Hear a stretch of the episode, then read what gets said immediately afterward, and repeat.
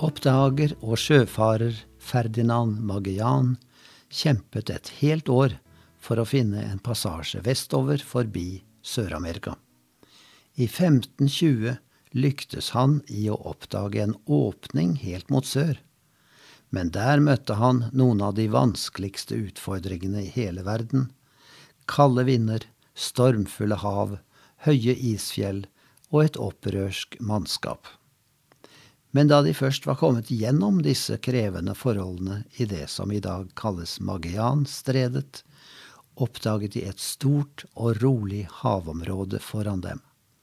De løftet hodene mot himmelen, takket Gud og kalte det nye havet for det fredelige, The Pacific, Stillehavet.